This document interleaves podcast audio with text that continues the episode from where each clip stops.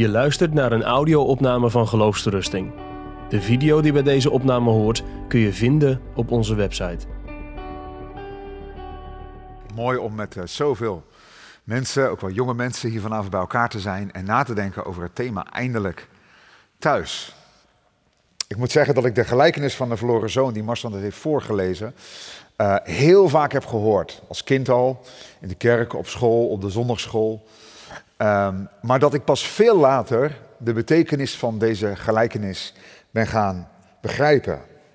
En nog weer veel later ben ik, denk ik, de tweede betekenis van deze gelijkenis gaan begrijpen. Namelijk dat het in deze gelijkenis niet gaat om een verloren zoon, maar om verloren zonen.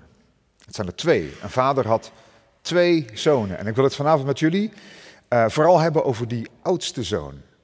We hebben het vaak over die jongste zoon als we dit verhaal uh, bespreken, maar ik ga het vanavond hebben over die oudste zoon. Ik begin met een beetje een sombere vooronderstelling. Stel dat dit je laatste dag is. En je komt vanavond voor de troon van God te staan. En God zou jou de vraag stellen: waarom zou ik je binnenlaten? Waarom zou ik je in mijn hemel, in mijn heiligdom binnenlaten? Wat zou je dan zeggen?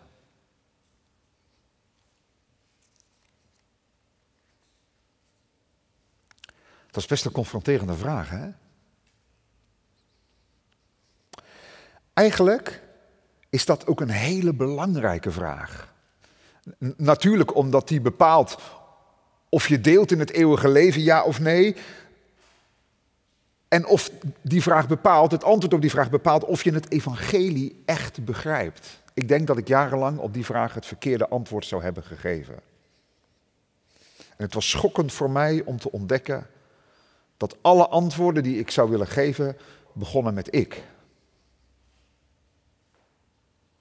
U zou mij binnen kunnen, moeten laten omdat ik. Nee, dat durfde ik toch niet goed te zeggen. Ik wist het gewoon niet. Weet je hoe ik leefde, jarenlang? Ik hoopte dat als ik voor de troon van God zou komen te staan, dat het voldoende was. Al was het met een zes min.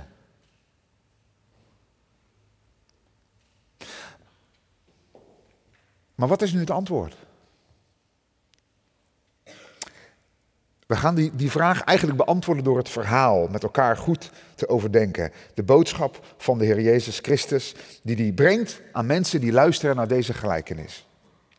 Um, het is heel goed om te bedenken dat Jezus deze gelijkenis spreekt tot de tollenaars en de zondaars die bij hem komen. Inderdaad. Die komen bij hem, Lucas 15, vers 1. Mensen van de straat die een liederlijk leven hebben geleid, die komen bij de Heer Jezus. Maar Lucas 15, vers 2 zegt dat de fariseeën en de schriftgeleerden onder elkaar morden en zeiden, deze man ontvangt zondaars en eet met hen. En ik denk dat Jezus deze gelijkenis vooral spreekt tot die tweede groep, tot die fariseeërs en die uh, schriftgeleerden die boos zijn dat Jezus omgaat met hoeren en tollenaars. Godsdienstige mensen die kritiek hebben op de Heer Jezus, die hoeren en tollenaars toelaat tot het koninkrijk van God. En dan vertelde dat verhaal van die twee zonen, de oudste en de jongste zoon. Marcel heeft het voorgelezen. Ik denk dat jullie, de meeste van jullie, het verhaal kennen. En dat ik niks nieuws zeg als ik zeg dat die oudste zoon is een typisch brave jongen een jongen die een correct leven leidt. Je zou kunnen zeggen, hij luistert naar zijn ouders, hij groeit op in de traditie van het geloof, hij doet wat zijn ouders zeggen, hij heeft een religieus leven, hij heeft bepaalde normen en waarden waar hij zich aan houdt.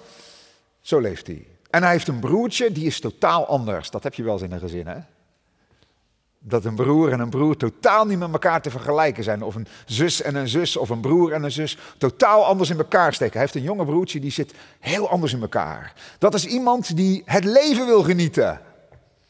Die op een gegeven moment die regels van zijn vader wel een beetje beu is. Die dat uh, eigenlijk een beetje betuttelend vindt. Dat hij zo weinig mag en dat die boerderij moet blijven. En dat hij vooral heel veel moet. Dat is die jongste zoon. En op een dag zegt die pa, Um, ik zit eigenlijk te wachten op de uitbetaling van je erfenis, maar je bent nogal taai. Uh, je blijft maar een leven. Zou je niet alvast je erfenis kunnen verdelen? En die vader doet het, geeft die jongste een zak met geld mee. En um, Die jongste gaat op pad. Eindelijk vrij van die belemmerende tradities en hij gaat het leven tegemoet. Je kent het verhaal.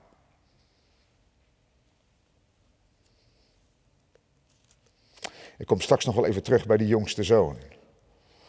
Eerst naar die oudste. Waarom vanavond die oudste zoon? Omdat die oudste zoon laat zien wat het evangelie is voor religieuze mensen. Mensen die je zou kunnen zeggen die opgegroeid zijn in de kerk. Die een leven leiden zoals die oudste zoon. Ook voor hen is het evangelie. Maar wat moeten zij horen? Hoe kijkt de vader naar hen? En wat zien we in het gedrag van deze oudste zoon? Je zou kunnen zeggen, als we vanavond nadenken over het gedrag van die oudste zoon, dan helpt dat jou en mij om na te gaan hoe wij tegenover het evangelie staan. Hoe wij tegenover de vader staan. De vader die zijn genade aanbiedt. En het kan zomaar zijn dat je bij jezelf ook een kwaal ontdekt. Dat dat denken van die oudste zoon ook dieper in je zit dan je zelf wil. Ik heb dat bij mezelf door de jaren heen moeten ontdekken. En moeten vaststellen dat ik van mijzelf eigenlijk een vijand van genade ben. Met al mijn religiositeit wil ik niet aan de genade van God. Oké, genoeg ingeleid. Wat is zijn probleem dan, zeg je? Vertel me meer over die jongen. Eigenlijk zie je het probleem niet snel. Als we een dagje of een week op de boerderij zouden zijn geweest, dan zouden we zeggen, wat fijn joh, meneer de vader, dat je zo'n oudste zoon hebt. Die kan je wel toevertrouwen. Die, die kan je wel een klusje toevertrouwen, die kan je de boerderij wel toevertrouwen. Hij is gehoorzaam, hij is correct en hij houdt zich aan de afspraken. En toch heeft hij een diep probleem. Wanneer wordt dat duidelijk dat hij een probleem heeft? Als zijn vader een feest geeft. Welk feest? Een feest van, let op, genade. Want de jongste zoon is teruggekeerd. De jongste zoon is ondertussen bij de varkens beland, daar in Verwegistan. Die is helemaal vastgelopen met zijn, met zijn leven. Hij, hij wilde het leven genieten als een lolly. Zijn geld is opgeraakt, zijn vrienden is hij kwijtgeraakt. Hij zit daar bij die varkens, hij denkt die beesten hebben het beter dan ik. Ik zal opstaan en naar mijn vader gaan. En hij komt terug, en je kent het verhaal, komt er op het einde nog op terug. Hij wordt door zijn vader ontvangen en de vader besluit spontaan om een feest te geven. Een genadefeest. En natuurlijk wordt die oudste zoon ook uitgenodigd. Hij had het al gehoord, hij hoorde de muziek. Hij hoorde die, die rijdans, over een feest gesproken. Typisch voor de Joodse cultuur om uitbundig te feesten. En uh, een van die knechten heeft het al gezegd. Ja, je jongste broer is thuisgekomen en jij bent ook uitgenodigd. Je vader nodigt je op het feest. En dan ineens zien we dat bij die jongen, die oudste broer, de stoppen doorslaan. Wat gebeurt er? Dit feest vindt hij een walgelijk feest. Want het is een feest van genade. En dat is voor hem een belediging. Want deze jongen, die oudste jongen, handelt niet met zijn vader op basis van genade, maar op basis van verdiensten. Hij doet zijn best en daardoor deelt hij in de goedkeuring en de zegen van zijn vader. En nu ineens is daar zo'n feest uitbundig met het gemeste kalf. Hoe kan dit nu? Dit is niet eerlijk. Heb je dat ook wel eens gedacht? Dat je genade oneerlijk vindt?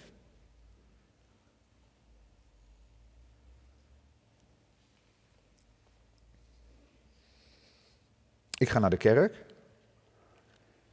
Ik bid. Ik, ik zet me ook best serieus in. Ik lees mijn Bijbel. Ik, doe mijn, ook echt mijn best om het te begrijpen. Ik doe niet al te gek. Ik ben voor een aantal dingen en ik ben ook tegen een aantal dingen, zoals een christen betaamt.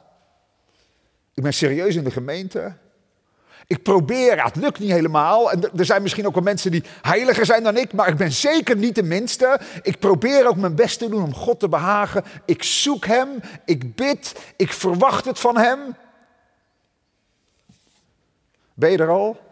Nou, nou dat misschien niet, maar ik ben, ben wel serieus onderweg. Ik geloof ook echt dat de Bijbel waar is. En ik geloof ook dat de Heer Jezus gestorven is voor zondaren. En ik geloof ook ergens wel dat God goed is.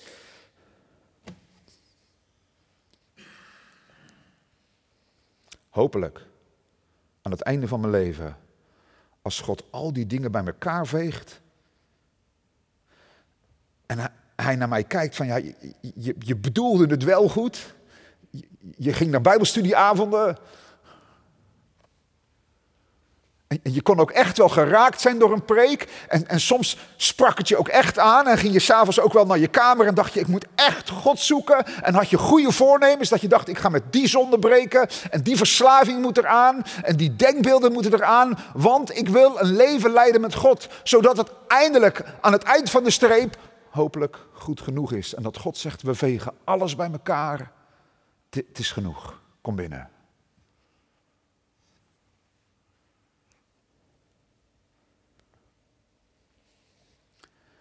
Als je zo denkt,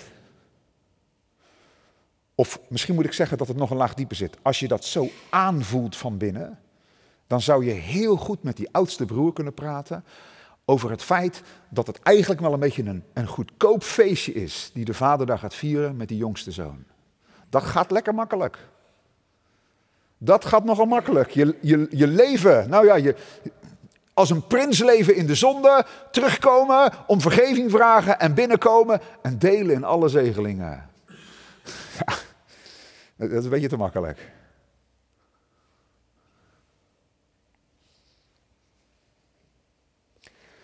Als jij zo denkt als de oudste zoon, je mag het ook tegen mij zeggen hoor, dan zeg ik je vanavond, je bent even verloren als de mensen die op dit moment helemaal verstrikt in de zonde leven en totaal geen zin hebben in deze avond van geloofsterusting, met totaal andere dingen bezig zijn, leven voor de wereld, je bent even verloren.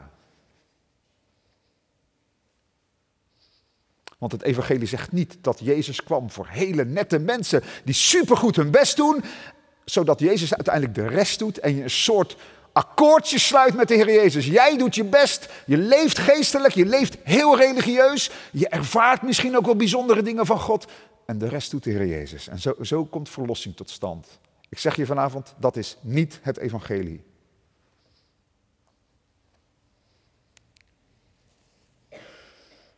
De boodschap is dat oudste zonen en jongste zonen beide verloren zijn, beide onder het oordeel liggen van God, beide de hel verdienen, tenzij,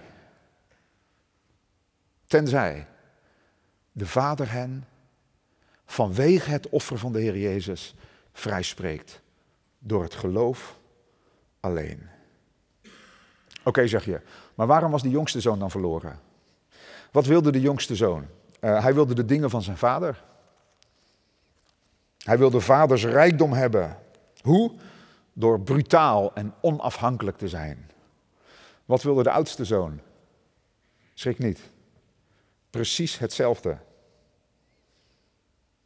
Wat die jongste zoon wilde door brutaal te zijn en grof te zijn, het te eisen van zijn vader, dat probeerde die oudste zoon door netjes te leven en het te verdienen. Beide jongens komen in opstand. Beide jongens zijn zondaren. Beide zijn ze vervreemd van het vaderhart. Als ik het simpel mag zeggen, die oudste zoon zat nooit bij zijn vader aan de keukentafel. En hij zei, pap, wat kan ik vandaag voor u doen? U bent zo'n goede vader. Ik heb u lief. Hoe kan ik vandaag leven om u te helpen, om u te dienen. Nee, nee, zo zat hij niet. Hij zei tegen zijn vader, geef het lijstje maar, dan zal ik doen wat ik moet doen. En de deal is dat ik uiteindelijk krijg wat ik wil hebben. Je kunt totaal van God vervreemd zijn door massaal zijn regels te breken. Dat is de jongste zoon. Je kunt ook totaal van God vervreemd zijn door ijverig Gods regels te willen houden, maar zijn vaderhart niet te ontvangen.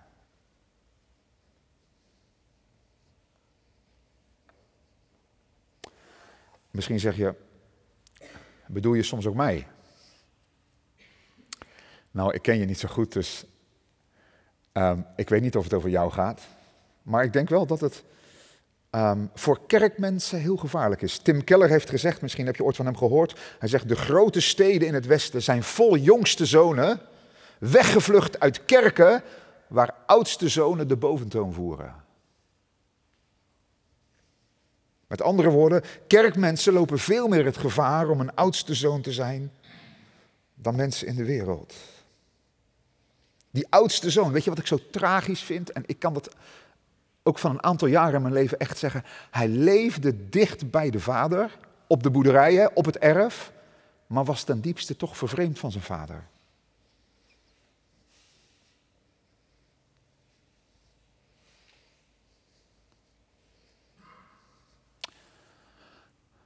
Als God je zou vragen, waarom zou ik je binnenlaten? Wat zou je dan zeggen?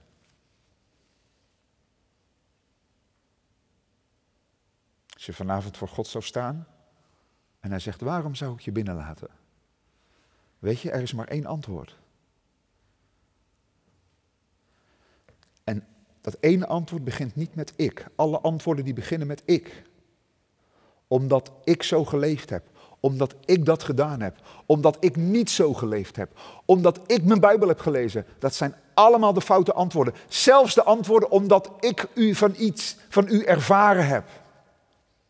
Omdat ik zonder voor God geworden ben. Omdat ik, dat zijn allemaal geen redenen waarom God je zou binnenlaten in de hemel. God is veel te heilig. Er is maar één reden waarom God je zou binnenlaten. Er is maar één antwoord. En dat is je zegt omdat Hij omdat Hij die aan uw rechterhand zit, de Heer Jezus Christus. Omdat Hij 2000 jaar geleden aan het kruis geroepen heeft, het is volbracht. En dat riep Hij voor zondaren. Voor jongste zonen en voor oudste zonen.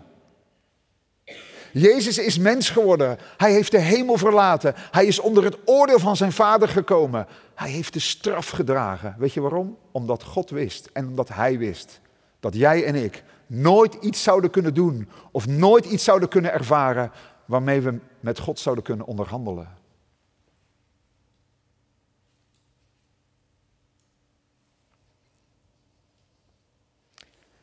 Dat is leven uit genade. Dat is lege handen. En van die lege handen moet je ook niks maken.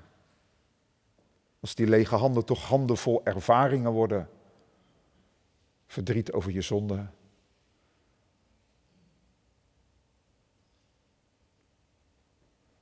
of een bijzondere ervaring, dat iets misschien nu ook voor jou bedoeld is.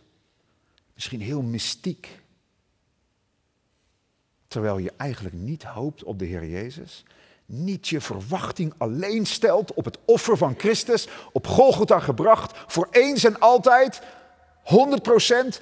Als je daar niet je vertrouwen op stelt, heb je geen reden om te hopen dat God je zal binnenlaten.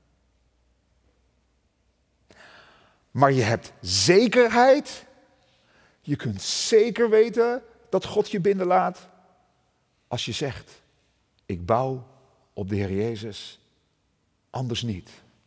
Het is zijn bloed alleen dat redding biedt.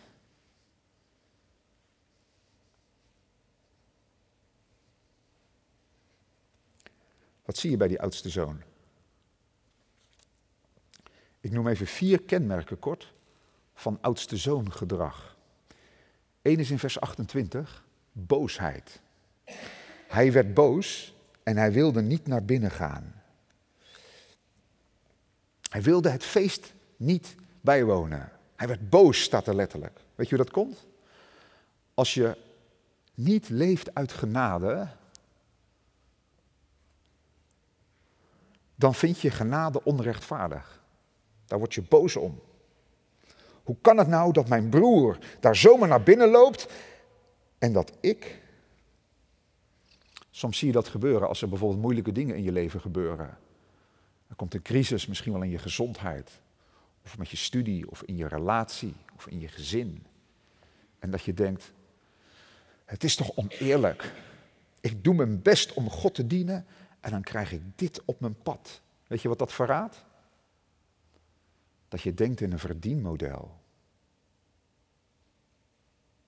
Ik leef zo goed als mogelijk op die manier en God zal mij belonen. Maar het evangelie, lieve mensen, is geen beloning, maar genade. Als je leeft voor het principe voor wat, hoort wat, dan zul je uiteindelijk boos achterblijven. Ik moet zeggen dat ik in de achterliggende jaren soms best wat mensen heb gesproken die ten diepste boos waren op God. Soms ook oudere mensen. Ze zeiden, ik heb mijn leven lang in de kerk gezeten. Ik zat er elke zondag twee keer, soms drie keer. Ik heb mijn best gedaan. Nee, mijn leven was niet volmaakt, het was niet foutloos. Maar nu ben ik aan het einde van mijn leven en ik heb nog geen zekerheid, ik heb geen vrede. God is eigenlijk een beetje oneerlijk. Ik heb mijn deel gedaan, maar nu hij nog. Ik wil wel, maar wil hij wel? Dat zijn verderfelijke gedachten over God. Alsof jij liever zou willen dan hij. Wie heeft je dat aangepraat?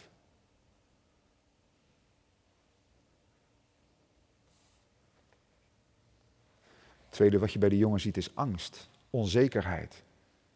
Op een gegeven moment komt zijn vader naar buiten. En zijn vader zegt, kom toch naar binnen. Weet je wat hij tegen zijn vader zegt?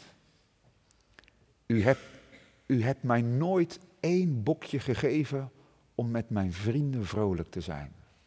Zie, zie hem daar staan, moet je even, even een beetje inbeelden. Hij staat daar, zijn vader zegt, kom naar binnen. Zijn vader nodigt hem uit om te delen in de genade. En hij zegt, u hebt mij nooit één bokje gegeven. Wat zit daar nou achter? Hij is onzeker. Hij denkt, mijn jongste broer krijgt als beloning zo'n feestmaal. En ik, die altijd trouw op de boerderij heb gewerkt, ik heb nog nooit een bokje gekregen. Hij denkt in voor wat hoort wat. Hij zo'n feest, ik nog niet eens een bokje om met mijn vrienden vrolijk te zijn. U houdt niet van mij, ondanks dat ik zo hard werk. Weet je, als je niet van genade leeft, maar denkt in een ruilmodel, in een soort verdienmodel, dan word je heel onzeker. Wat je dan doet, is dat je hoopt dat je leven goed genoeg is, dat God je zal aanvaarden. Weet je wat ook een kenmerk is? Dat als je dan een week lekker je stille tijd hebt gehouden, en de preek heeft je aangesproken, en je hebt voor je gevoel wel een, nou ja, goede geestelijke week gehad, dan, dan voel je je redelijk. En nu zou ik vanavond wel God kunnen ontmoeten. Maar een week later val je terug in zonde, gaat het helemaal mis. En denk je, nee, nu, nu niet, nu niet. Het is niet goed genoeg. Ik heb deze week niet trouw geleefd. Wat een verlammende vraag. Is het goed genoeg? Deze jongen, het is echt heel verdrietig. Hij kent het hart van de vader niet. En hij probeert zijn redding, zijn goedkeuring te verdienen. daarom is hij onzeker en bang.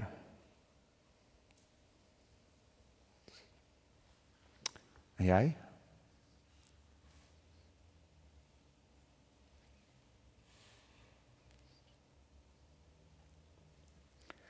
Derde kenmerk van deze jongen is dat hij trots is. Vers 30 zegt hij, ja, die, die zoon van u, die hoerenloper, die uw geld met hoeren heeft doorgebracht. Weet je wat je ziet? Even goed opletten. Eigenlijk kijkt hij geweldig neer op zijn broertje. Hij zegt, wat een vreselijke kerel. Hij heeft uw geld met hoeren doorgebracht. Dat, dat wist hij trouwens helemaal niet, want hij was nooit bij zijn broer geweest. Maar dat heeft hij ingevuld. Hij kende niet de goedheid van zijn vader, maar hij kende wel de slechtheid van zijn broertje. Weet je wat hij aan het doen was? Hij vergeleek. Hij is trots. Helaas is het in de kerk soms ook het geval. Dat we heel goed elkaar zonde weten. Ja, die hè, en die. En dat we op zondagmorgen bij de koffie praten over die persoon, die zo, en die man, die dit, en die familie, die dat. Nee, ik, ik ben er ook niet. Maar, maar zij zeker niet. Ik, ik, ben misschien ook niet bekeerd, maar, maar zij zeker niet. Die hoerenlopers, of die mensen die het allemaal zo makkelijk nemen, die, die praten van genade. Dan wordt de kerk een afschuwelijke plek. Waar zondaren niet naar de Heer Jezus worden gebracht, maar zondaren met elkaar worden vergeleken.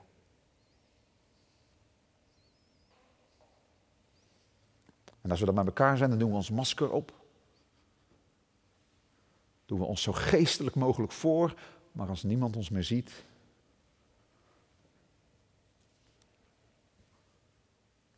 Je kent niet het vaderhart van God. Je bent niet ondersteboven van Gods genade. Als je Gods genade echt zou kennen, oudste jongen, dan, dan zou je niet neerkijken op die jongen. Dan ken je je eigen verloren hart en zeg je, als er iemand de zondaar is, dan ik wel. En als ik van genade mag leven, dan hij ook. Dan kijk je niet neer op die mensen die een heel ander leven leiden, die naar de hoeren gaan of die naar een losbandig leven leiden. Je gelooft in de genade van God en je zegt, als het voor mij, dan ook voor hen. Het vierde kenmerk van deze jongen, en dat is misschien wel de ergste bij deze jongen, is vreugdeloosheid. Vers 30. Weet je wat hij zegt tegen zijn vader? Al jaren werk ik voor u. Moet je hem even zien staan. Hè? Zie je die oudste zoon met zijn vader? Hij zegt, al jaren werk ik voor u. Met andere woorden, hij is zich heel bewust van wat hij allemaal voor zijn vader heeft gedaan. Maar er zit geen greintje vreugde in. Helemaal niets. Geen dankbaarheid, geen blijdschap. Wat een bittere, wat een zure jongen. Oudste zonen kunnen niet huilen over hun zonde en ze kunnen niet juichen over genade. Dan wordt de kerk zuur. Wordt de kerk een plek waar we niet de genade van God dankbaar vieren, maar waar we naar elkaar wijzen.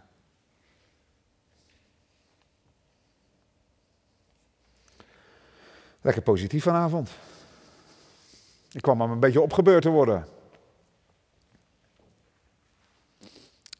En we zijn ook nog niet klaar. Maar herken je iets van die oudste zoon in jezelf? Zo'n nette jongen. En toch, hè? Ja, zeg je, maar oké. Maar als ik er nu iets in herken, wat betekent dat dan?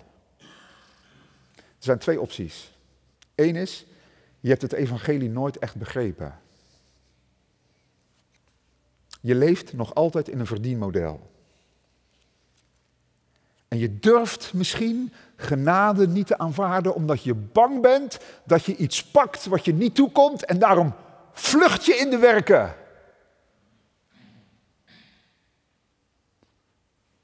Dan heb ik echt heel goed nieuws vanavond voor je. Niet omdat ik zo'n bijzondere man ben, helemaal niet. Helemaal niet zelfs. Maar omdat vanavond het evangelie naar je toe komt. Ik zou bijna willen zeggen, dan komt de vader uit de boerderij. En hij zegt, oudste zoon, je bent welkom. Gooi nou die kruiwagen en die schop is neer. Stop nou eens met werken. Zie je hem daar staan met zijn kruiwagen? Wat kan ik doen? Moet ik nog harder werken? Moet ik nog iets in de boerderij doen? Moet ik nog de schapen? Moet ik nog de koeien? Stop met werken. Stop met verdienen. Kind, zegt die vader, kind, zag je mijn hart maar. Kon je maar zien, niet zozeer op wat jij voor mij doet, maar leerde je maar te zien op wat ik voor jou wil doen. Ik zou je dan vanavond, als je zegt, ik denk dat ik het evangelie nooit echt heb begrepen, al zit je misschien al twintig jaar in de kerk, dan wil ik je vanavond vanuit de grond van mijn hart echt smeken of je vanavond stopt met werken. Stopt met religieus te plussen en te minnen. Wat je allemaal doet voor God, of wat je allemaal hebt meegemaakt, of wat je allemaal hebt ervaren in je binnenkamer. Gooi dat met plezier van tafel en zeg: Ik ben een zondaar die het oordeel verdient. Hoe kan ik daaraan ontkomen? Vader, Heere God, is er één middel? Weet je wat de vader zegt? Als je het allemaal van tafel doet, dan kan ik je de volmaakte zoon, de Heer Jezus, in je schoot leggen. Dan kan ik je eindelijk genade bewijzen.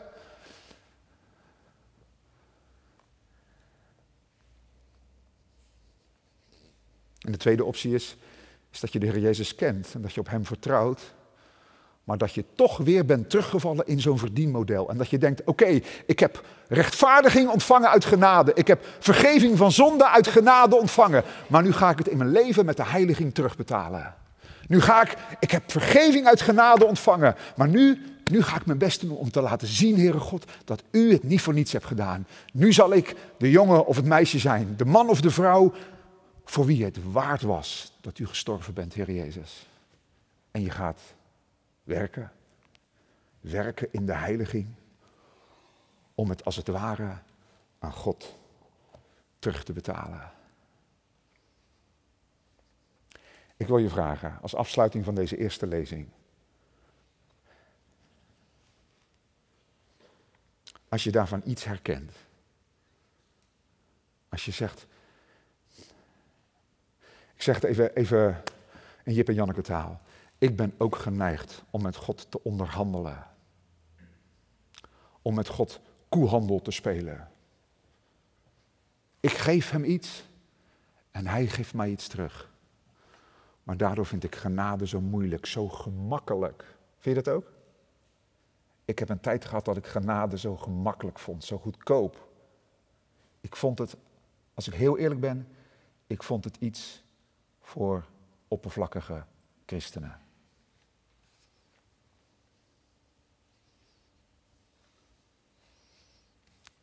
Totdat ik zei,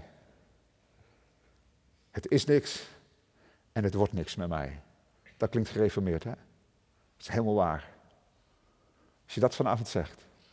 En je gaat niet in jezelf lopen peuren. Maar je zegt, zo is het. Ik kan geen toren naar de hemel bouwen. Het moet van boven komen. Dan ben je rijp voor genade. Daar gaan we straks over nadenken. Wat die genade is, wat de Vader geeft. Wat de jongste zoon ontvangt. En wat de Vader ook dolgraag kwijt wil aan oudste zonen. Ook vanavond. Laten we kort danken. Heere God, we beleiden, we zijn zondaren in onszelf. En we zijn ook complexe zondaren, die het zo moeilijk opgeven, die zo lang blijven ploeteren in de werken maar vanavond komt u ons tegemoet. En wilt u ons het hart van de Vader tonen, die zijn zoon voor ons gegeven heeft. En ik bid dat u ons vanavond allemaal, inclusief mijzelf, de genade geeft. Om genade te kunnen ontvangen en te bouwen op het offer van de Heer Jezus alleen. Jezus alleen. Ik bouw op Hem. Hij is mijn hoop, mijn lied mijn kracht. In Jezus' naam. Amen. Je luistert naar een podcast van Geloofsterusting. Wil je meer luisteren, lezen of bekijken? Steun dan ons werk en ga naar de website geloofsterusting.nl.